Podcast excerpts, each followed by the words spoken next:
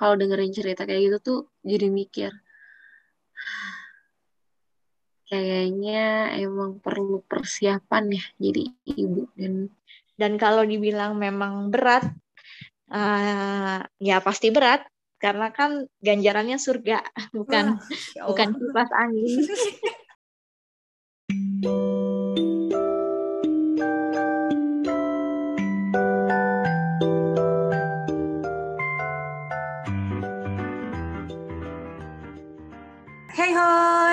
Hola.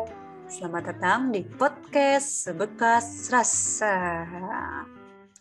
Lu gak ada mau ini ngubah-ngubah intro gitu? Mana dong? ya nggak apa-apa sih, gue nanya aja kan. Kali ya aja nih sambil nungguin teman kita, kita jadi kan kepikiran ide lain gitu. Oh gitu. Selamat datang. Itu tuh udah kayak ada di selamat datang di nenek-nenek untuk berapa orang? Gitu. Oh gitu. Ya gitu deh. Ngertinya gitu doang sih. Uh, kurang explore kayaknya gue tuh. Kurang ya namanya juga amatiran bun. Jangan inferior dong. Oh. Iya. langsung. Tapi ngomong-ngomong amatiran nih ya kita tuh di sini ngebahas yang sudah berpengalaman bun dalam hal mengasuh seorang lu sih berpengalaman ya? Emang lu nggak berpengalaman? Berpengalaman gue karena udah memiliki bun. Memiliki. Merasa memiliki. Gak ada anak yang dimiliki guys. Ah bagaimana bisa kita sudah ini mulai? Oh baik. Berarti gue sudah mengganggu. Silakan. Nah iya nih topik kita kali ini tuh mengenai seorang ibu bun. Ibu mama emak. Biung. Biung. Tapi pada nggak tahu sih kalau misalnya udah nge nama biung. Dan itu bahasa Indonesia loh. Bahasa Indonesia yang lama. Kuno gitu loh. Iya.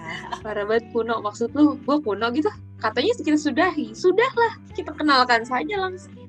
Baik. Siapa aja halo Siapa kamu di sana? Halo. Wih. Iya dan Wow. Wow. ini ada dua orang loh. Nggak cuma satu orang. Menarik ya. Apa namanya kalau punya kalau punya buntut tuh buntutnya suka ini, suka bersuara juga. Ah! Kayak kita hari ini yang akan ngobrol tentang yang udah punya buntut kalau kata Cynthia tuh udah berpengalaman dalam mengasuh gitu ya. Iya, benar. Kita hadirkan.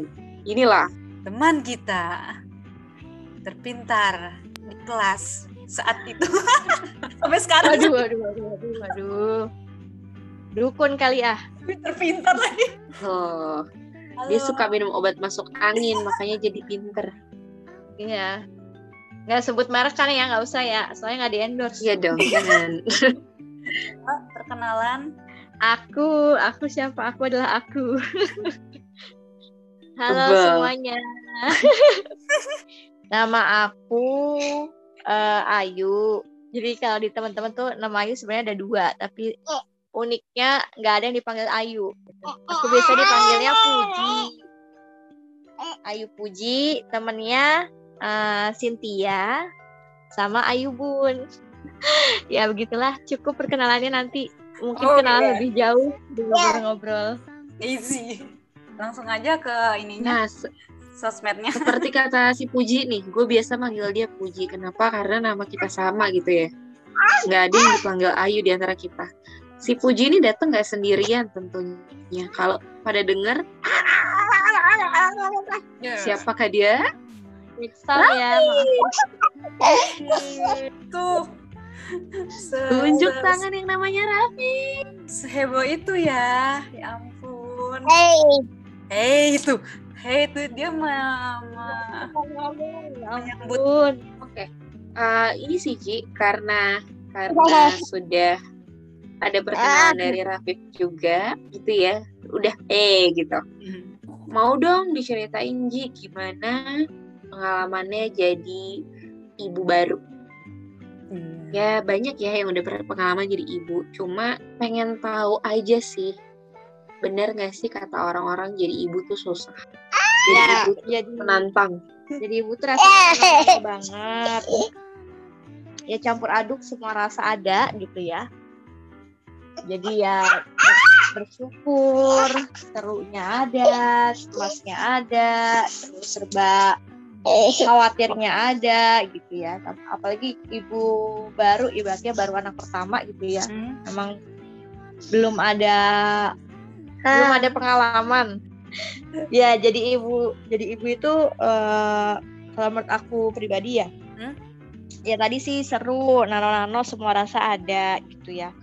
Apalagi kalau baru anak pertama meskipun eh, mungkin kita udah sering interaksi sama anak gitu ya walaupun bukan anak sendiri tapi maksudnya kayak ya ponakan terus juga mungkin boleh jadi eh, pernah punya pengalaman juga eh, mengajar anak gitu ya atau interaksi pokoknya sama anak-anak tapi tetap ketika benar-benar peran itu peran itu dirasakan secara langsung beda gitu rasanya. Jadi kayak ya kayak masuk ke dunia yang baru lagi gitu kalau nikah masuk dunia baru menjadi ibu peran bertambah dunia baru lagi itu sih kalau eh, yang aku rasain gitu Kalau misalnya ini nggak sih kayak cari tahu gitu juga nggak sih? So kalau menjadi ibu tuh harus Hmm. apa-apa-apa gitu?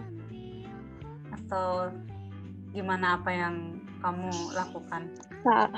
Kalau yang aku lakukan sebelum dan sesudah jadi ibu sebenarnya eh, boleh jadi kurang lebih sama gitu ya karena tadi kalau saat sebelum gitu saat sebelum eh, jadi ibu yang dilakukan itu bentuknya sebenarnya sama persiapan tapi mungkin karena ngerasanya belum menjadi gitu jadi bentuk persiapannya itu kayak sifatnya ya eh, general gitu ya. Tapi ketika udah benar-benar memegang peranan itu gitu ya udah mengalami secara langsung itu jadi bentuk persiapannya jadi lebih spesifik gitu. Misalnya jadi lebih tahu oh ternyata problem yang beneran aku alamin itu karena setiap anak beda-beda gitu ya. Eh, maka apa ya bentuk cari taunya bisa jadi berbeda dan itu jauh lebih dorongannya jauh jauh lebih kuat gitu. Karena beneran dihadapi langsung di depan mata. Kayak dan itu biasanya sesuai dengan kayak pertumbuhan si anak itu sendiri gitu sesuai dengan masa-masanya. Jadi sebenarnya justru kehadiran si anak ini yang membuat seorang ibu tuh jadi kayak terus-menerus belajar gitu. Karena selalu ada hal baru selalu ada hal yang berbeda yang itu bikin kita untuk sel- selalu cari tahu. Karena kalau enggak eh, ya beneran enggak selain belajar nggak tahu nggak ada pilihan lain gitu. Selain siap menghadapi dan usaha cari hal yang kita nggak tahu gitu supaya nantinya kita bisa lebih lebih lebih tahu cara menghadapinya seperti apa. Meskipun dengan dengan pencari tahu dengan tadi melakukan persiapan bukan berarti otomatis kita akan sepenuhnya siap otomatis kita akan jadi sosok ibu yang ibaratnya sempurna gitu tanpa celah eh, langsung expert banget gitu yang enggak sih tapi setidaknya itu jadi bentuk tanggung jawab kita bahwa eh bentuk tanggung jawab kita terhadap peran yang saat ini kita emban gitu aja. Penjelasannya cukup panjang ya, cukup. Maaf ya kali detail. lebar sama dengan volume volume. Eh, gue sih tertariknya pas lo bilang jangan ketika kita sudah mempersiapkan segala sesuatunya berpikir bahwa nanti kita tuh nggak ada celah gitu ya.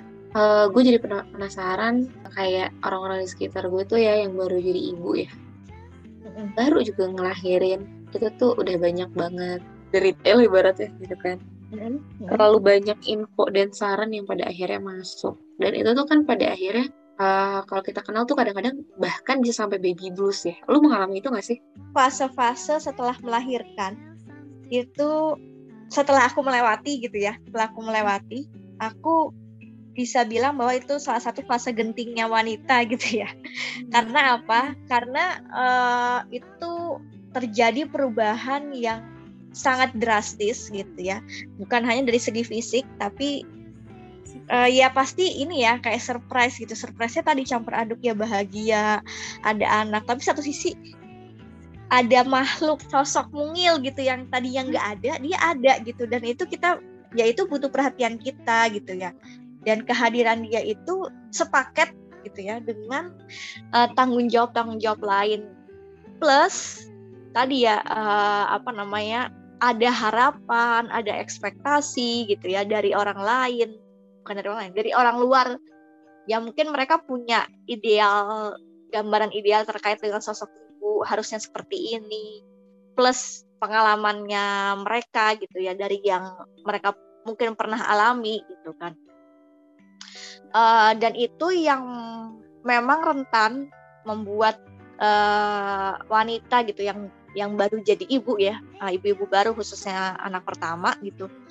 Itu ibaratnya uh, ya kerentanannya tinggi untuk tadi baby blues gitu kan. Even baby blues lah taruhlah itu di ekstrim yang ini ya titik ekstrim lah ya gitu. Uh, kalaupun tidak baby blues gitu ya uh, ya kerentanan lainnya adalah ya sensitif sangat sensitif gitu ya. Bahkan ini boleh jadi uh, tingkat sensitivitasnya jauh lebih sensitif dibanding orang hamil. Karena dalam waktu yang cepat dia perlu untuk uh, apa mengubah mengubah state dan seolah-olah uh, dia diharapkan untuk langsung bisa semuanya gitu. Padahal kan posisi dia sendiri pun ibadah uh, gue aja sendiri belum ajak gitu kan ya berdiri. Nah kalau waktu aku sih setelah aku melewati fase itu kalau dibilang mungkin sampai baby blues uh, mungkin enggak ya gitu kan. Sampai misalkan alhamdulillah gitu ya. Uh, kenapa aku bilang seperti ya alham aku masih ya alhamdulillah gitu. Masih di taraf memang ada di taraf maksudnya masih ada di taraf sadar gitu ya. Uh, karena ada beberapa kasus gitu yang waktu itu aku jadi saat saat kehamilan itu aku kelas ikut kelas uh, satu kelas ini ya apa namanya persiapan melahirkan gitu. Itu bahkan pendamping iniku uh, jadi kayak pengajarku gitulah dia cerita dia bahkan sampai di fase ketika men, mendengar tangisan anaknya dia tuh dia sampai ngejauh gitu kayak apa sih nangis mulu? gitu kan ya. Sampai bayinya tuh biru gitu baru dia menyadari bahwa memang uh, ya bayinya itu butuh dia. Kalau aku ada mungkin di fase yang tadi ya sangat sensitif terus jadinya ini banget ya kayak tanda kutip senggol bacok lah gitu ya terus memang uh, sempat juga mengalami masa masa down karena ya tadi karena mungkin sensitifnya itu merasa bahwa kayak uh, kayak suami mungkin kurang peka gitu ya terus juga uh, fase kelelahan fisik gitu ya di mana memang kurang tidur gitu. tapi kalau misalkan sampai di taraf kayak tadi baby blues atau uh, mungkin perasaan perasaan yang sifatnya meru apa ya bukan merusak ya. Kayak menyerang diri sendiri tuh enggak tapi perasaan le lebih ke perasaan down perasaan uh, kayaknya uh, bingung uh, ngerasa kayak belum berdaya untuk uh, apa namanya ngehandle anak sendiri itu ada. Tapi alhamdulillah nggak sampai taraf yang mungkin serius gitu karena alhamdulillah saat itu bisa aku bilang support sistemnya cukup cukup baik gitu di, di yang aku alami gitu ya karena ini memang aku menyadari itu jadi salah satu faktor penting banget uh, bagi seorang ibu muda untuk bisa melewati fase genting tadi. Baru ngerasa ketika udah ngelewatin tadi apa fase itu gitu. Ketika di fase itu nggak nyadar, seriusan mungkin nggak akan nyadar dengan kok gue gitu ya, kok bisa ngelal uh, apa bisa ngerasainnya kok kayak gitu ya gitu. Mungkin kalau di fase sekarang, oh iya, kok gue lebay juga ya? Kayak gitu. Tapi Benar. saat di fase itu mengalami itu nggak nggak terasa gitu. Karena memang ya tadi ya lagi nggak sadar gitu. Lagi fokusnya uh, banyak gitu. Maksudnya seperti ngerasa dituntut untuk sempurna tapi satu sisi dirinya sendiri aja dia sendiri belum bisa membawa dirinya sendiri apalagi ada anak juga tanggung jawab gitu. Untuk apa support sistemnya yang kamu rasakan tuh seperti apa, Su? eh buat btw nih biasanya manggilnya suhu ya. Jadi oh iya. Ganti-ganti Belum dikenalin ya. suhu apa panggil, panggilan sayang suhu Iya, suheng dari dari aku sampai sekarang. Ya suhu Iya iya benar. Iya kalau support system yang waktu itu aku rasakan gitu ya yang memang alhamdulillah uh, ada gitu ya adalah ini sih orang tua gitu ya dan juga uh, suami. Jadi uh, Spell uh, mau maksudnya kayak jagain apa gantian jagain gitu ya. Terus misalkan kita untuk bisa mandi apa jadi tuh saat-saat itu tuh bahkan waktu mandi pun berharga gitu. Karena itu kayak kayak me time me time buat lo untuk refresh gitu. Karena kan memang sih kalau kelihatan eh, nggak ngapa-ngapain misalkan uh, nyusuin aja atau misalkan nggak nggak ngelakuin kalau di bayangan mungkin orang-orang gitu ya nggak ngelakuin kerja yang gimana-gimana karena kan masih fase pemulihan nifas juga gitu ya. Tapi memang uh, yang dirasakan itu ya beda kalau kalau benar-benar belum memang ada di situasi itu akan berbeda gitu. Karena kan ya tadi ya karena si baby pun juga masih kayak rentan gitu ya. Kita masih bingung-bingung. Ya, boleh jadi cara gendong yang tepat seperti apa.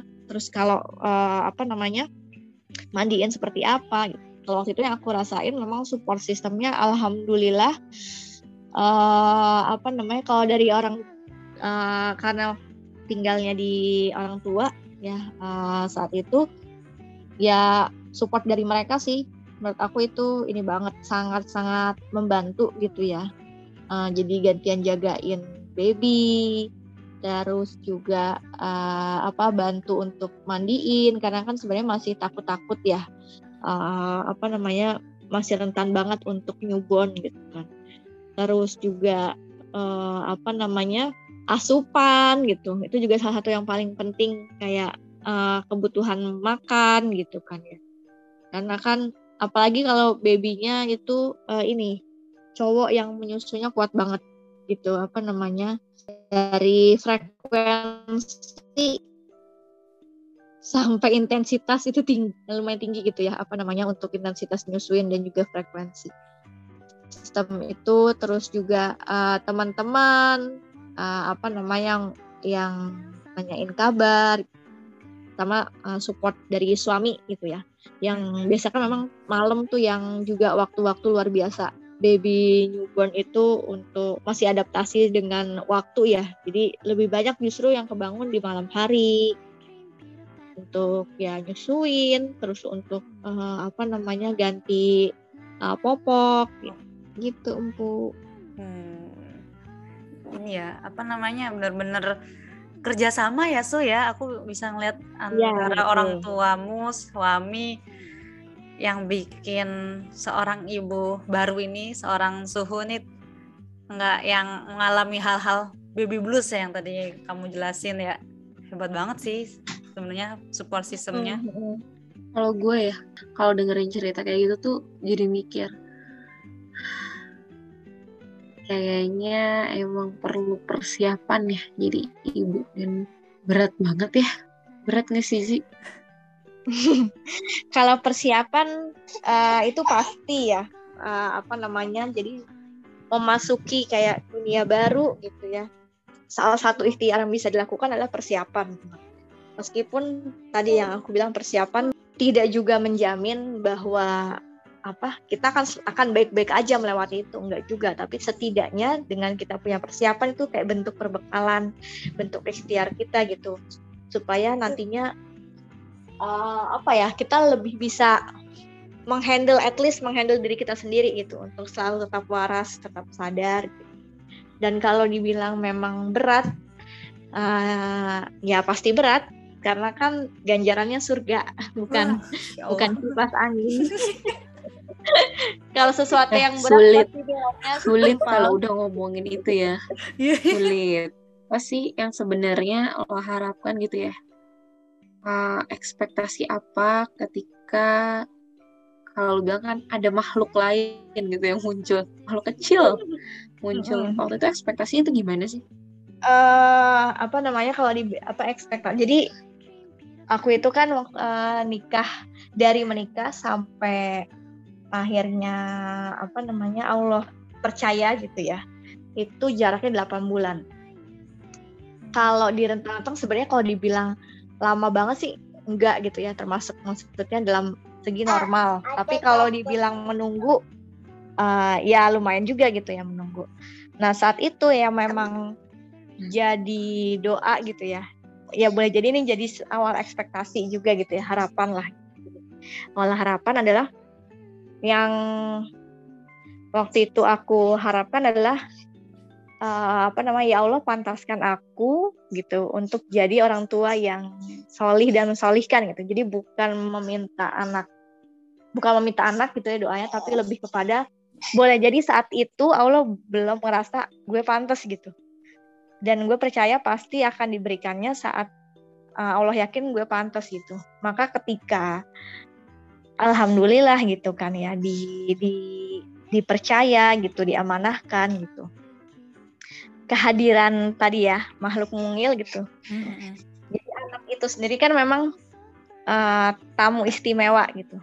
Tamu istimewa dari Allah yang sebenarnya kita yang undang kehadirannya gitu ya dengan ikhtiar suami istri gitu kan ya yang nggak usah diceritain ya ikhtiarnya intinya ikhtiar suami istri yang itu atas ACC Allah gitu. Atas ACC Allah betapa banyak orang yang eh, secara fisik secara ibaratnya eh, apa namanya kita lihat itu sehat bahkan dia baik-baik aja tapi Allah belum ACC lalu kenapa gue yang boleh jadi dibandingkan mereka yang sehat walafiat boleh jadi mereka lebih berkualitas gitu. Tapi kenapa gue yang dipercaya gitu ya? Kenapa gue yang di ACC gitu kan? Padahal boleh jadi gue masih banyak kurangnya gitu kan.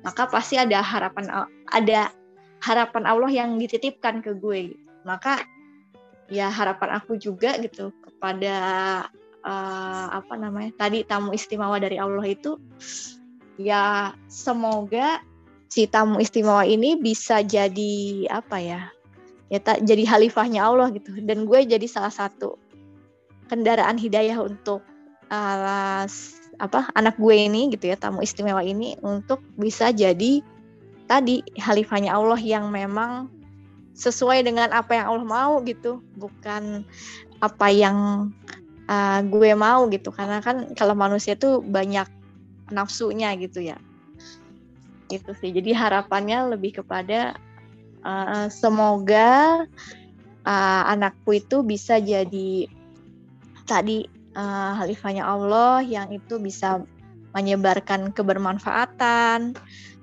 bisa uh, apa menjadi ya pejuang jadi pejuangnya Allah gitu ya. Dan juga Allah izinkan aku dan suami itu jadi kendaraan hidayah buat dia. Ini ya kalau dia udah ngomongin soal surga-surga memang susah lah. Udah itu nggak ada yang ngalang-ngalain lah ya kalau ekspektasinya itu kan.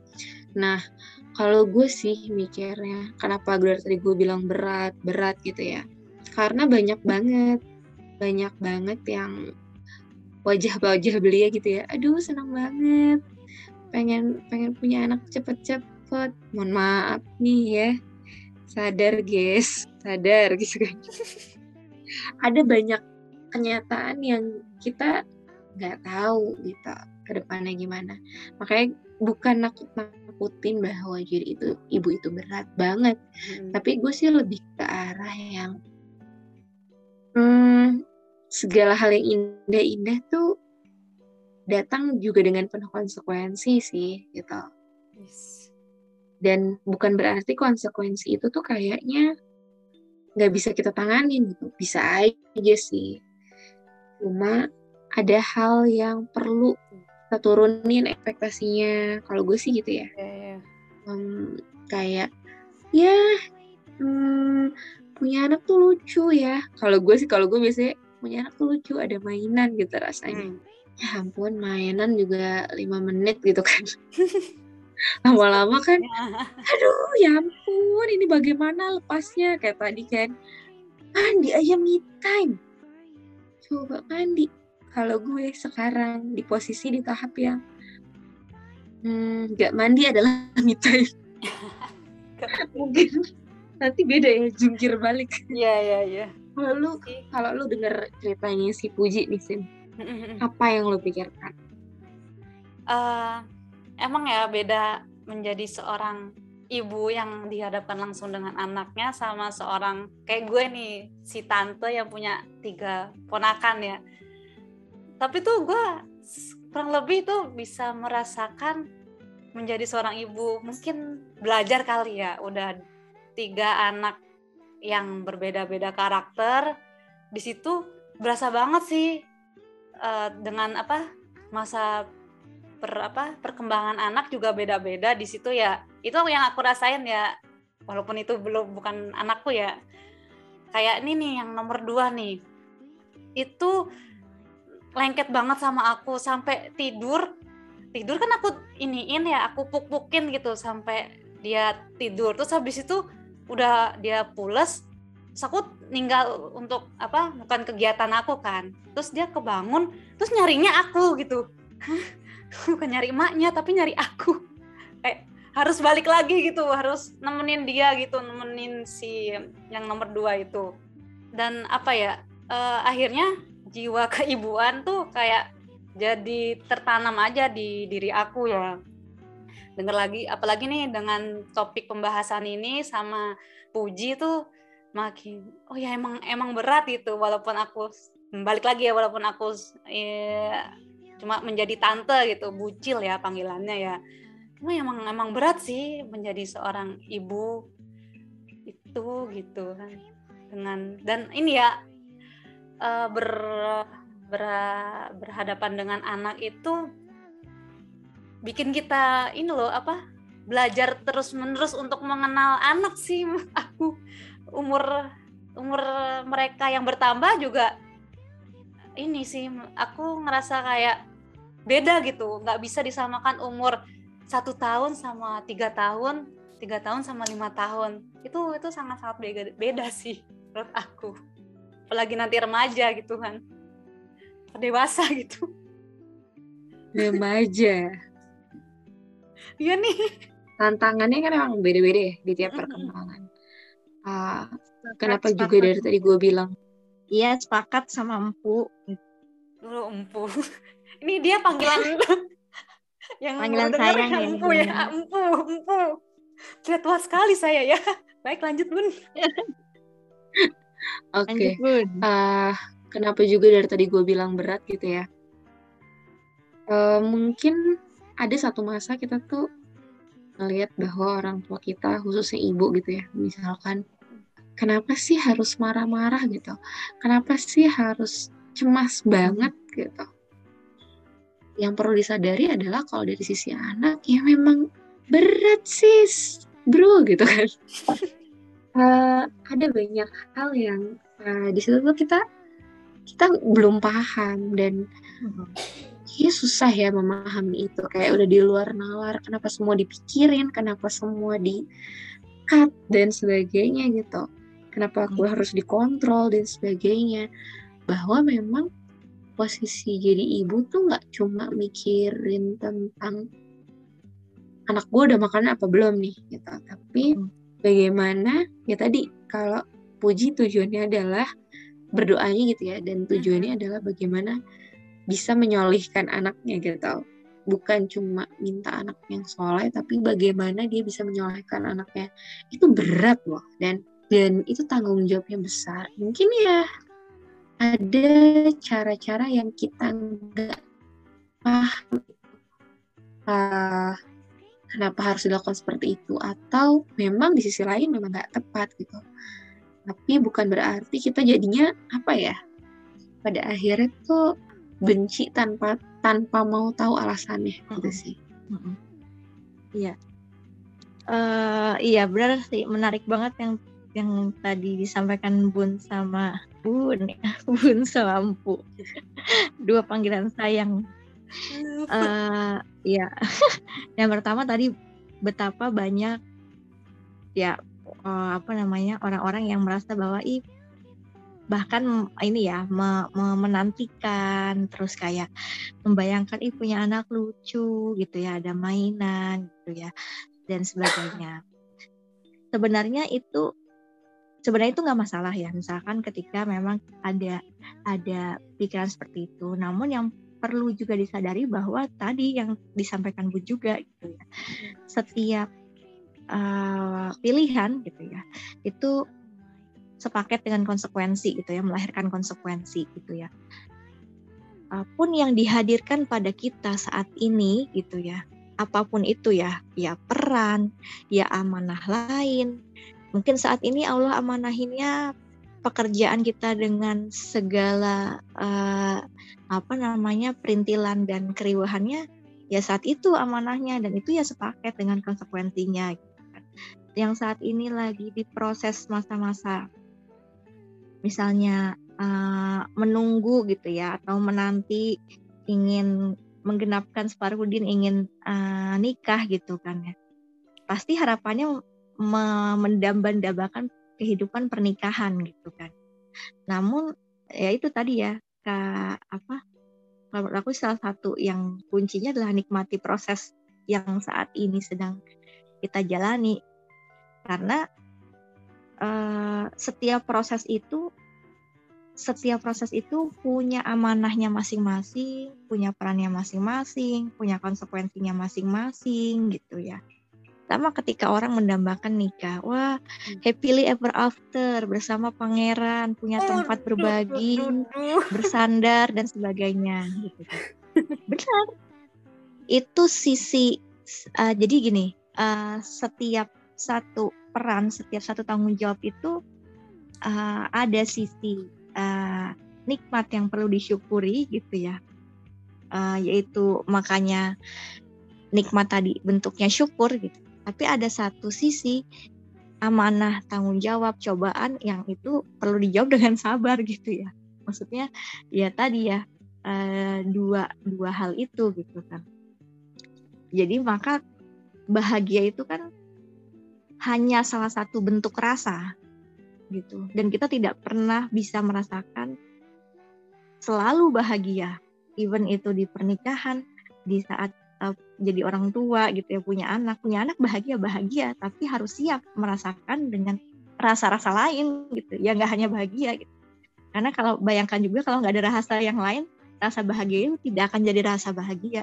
Karena kita nggak pernah tahu rasa sedih gitu kecewa. Kita kan jadi merasakan itu benar-benar bahagia ketika kita tahu rasa-rasa lain maka sebenarnya kalau aku ya ketika udah melewati fase-fase itu oh iya jadi kuncinya itu adalah tadi ya menikmati menikmati setiap proses yang saat ini sedang kita jalani ya boleh jadi ya itu kurikulum yang lagi Allah kasih kita gitu sama halnya yang saat ini sedang dijalani oleh uh, Cynthia gitu. Menurut aku uh, Empu ini beruntung banget gitu ya. Dititipkan tiga keponakan gitu ya. Dengan gender berbeda gitu ya. Dengan rentang usia yang berbeda, yang karakteristiknya pasti berbeda gitu ya. Meskipun ketika itu pasti rasanya akan jauh berbeda ketika nanti punya anak yang benar-benar sesungguhnya gitu ya dihadapkan dengan tangannya tapi yakin hal yang dia alami saat ini nggak ada sia-sia gitu. jadi ibaratnya orang tuh ya kalau hari Cynthia tuh udah kasih Allah Allah kasih kesempatan curi start gitu. Uh, udah dikasih kesempatan curi start yang di mana uh, ya boleh jadi masa ini uh, apa ya ya bentuk kasih sayang Allah itu untuk menyiapkan lo ketika nanti dicuburkan langsung tuh ibaratnya orang perlu belajar kalau ibaratnya di arena ber apa ya berla uh, pertandingan renang atau ya renang orang butuh belajar dua jam lo tuh ibaratnya cuma 10 menit bisa gitu karena lo udah terlatih gitu sebelum meskipun berbeda gitu ya bisa jadi kondisinya berbeda yeah. Iya, tapi iya. ya kurikulum itu yang pasti nanti ada uh, ada ini ya beruntungan yang akan dirasakan nanti.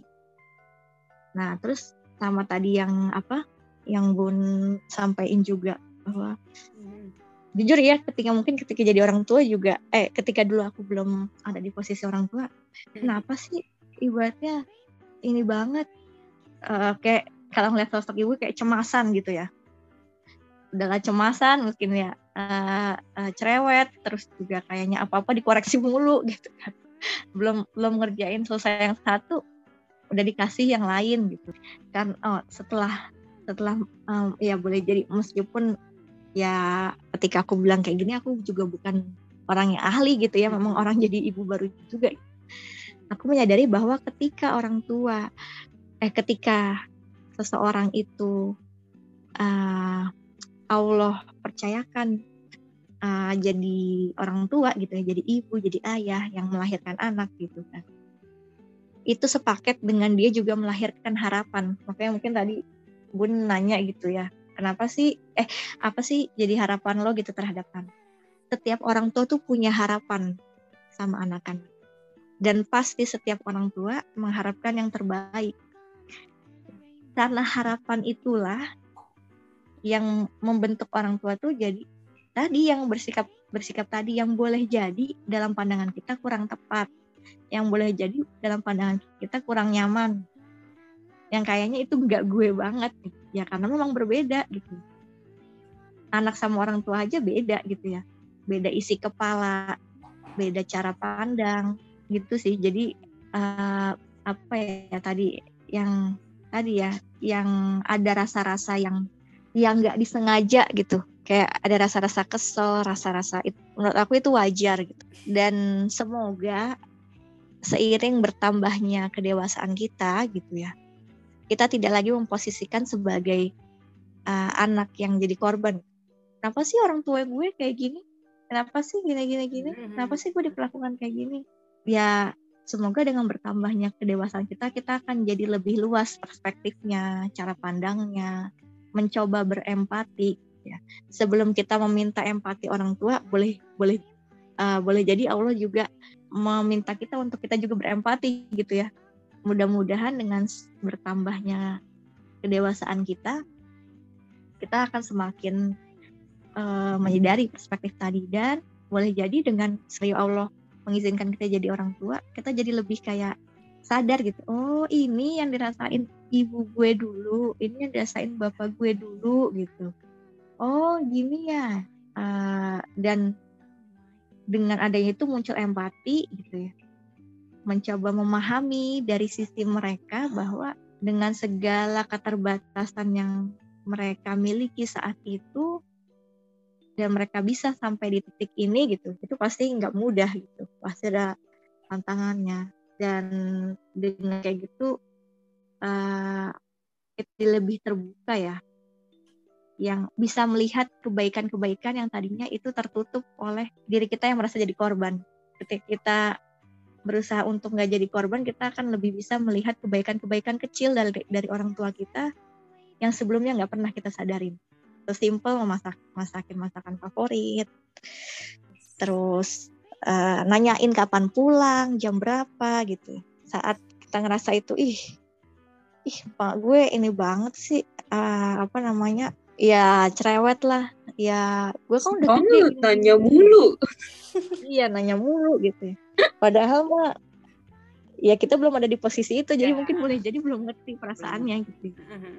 Gitu. Mudah-mudahan dengan kita tambah usia, tambah dewasa gitu, kita akan jadi lebih terbuka dan bersedia menjadi detektif detek, detektif kebaikannya orang tua.